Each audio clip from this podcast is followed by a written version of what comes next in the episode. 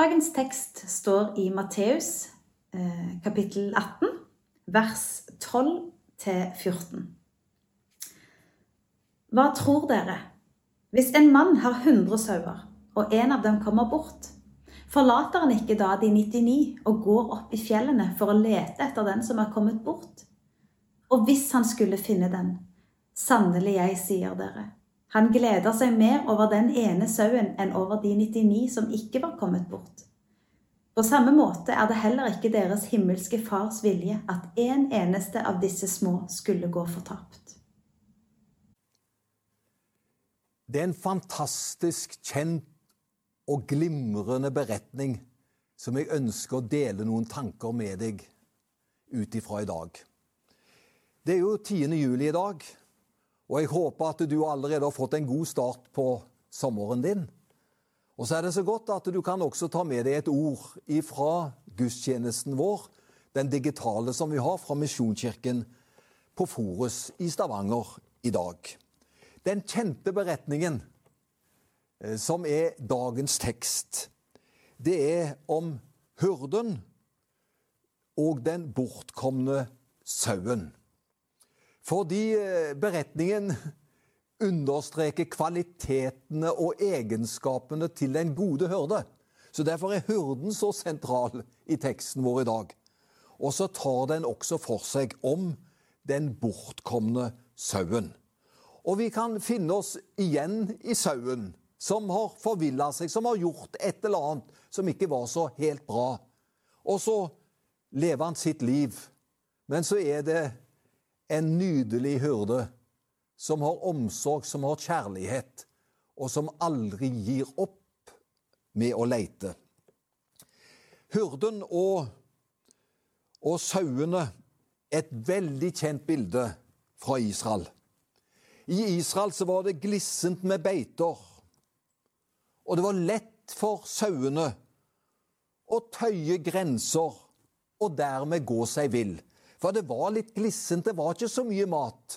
Og så var kanskje sauene litt ekstra sultne, og så tøyde de grenser for å i håp om å finne litt ekstra mat på disse nye stedene.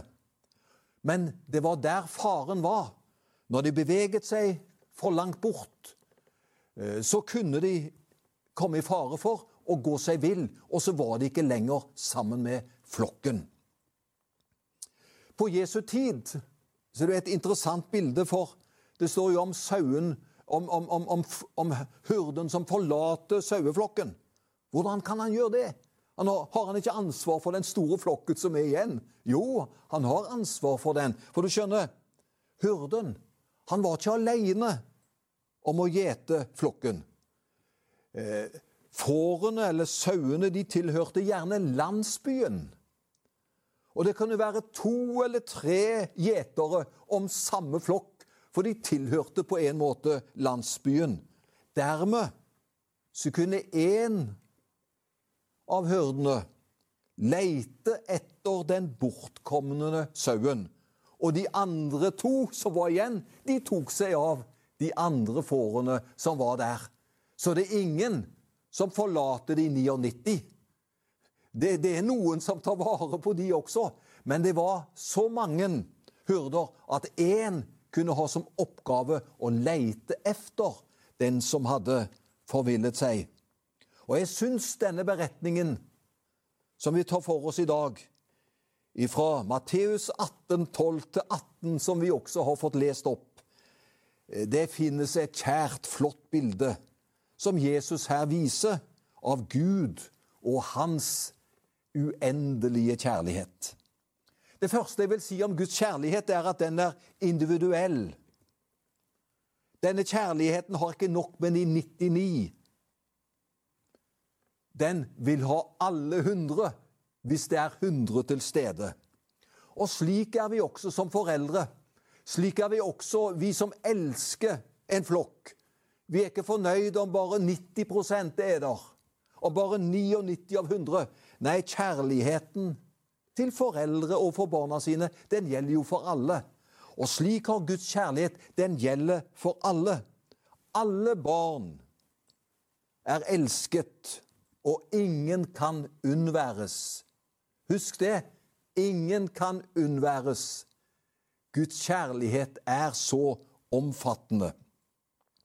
Og så, for det andre, så vil jeg si at Guds kjærlighet er jo en tålmodig kjærlighet.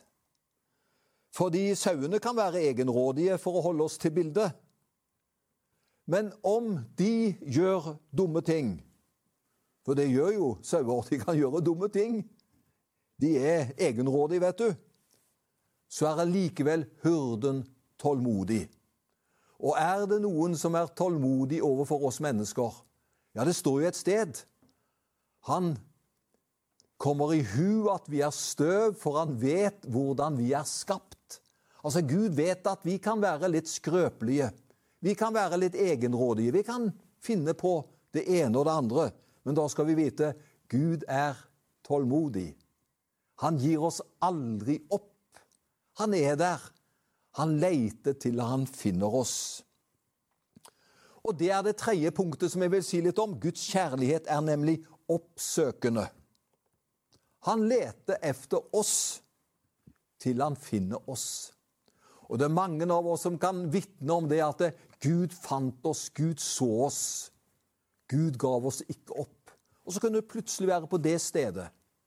Så finner han oss, for han oppsøker oss. Det er egentlig ikke vi som søker Jesus. Det er ikke vi som kommer til han. Det er han som søker oss. Det er han som kommer til oss. Guds kjærlighet er oppsøkende.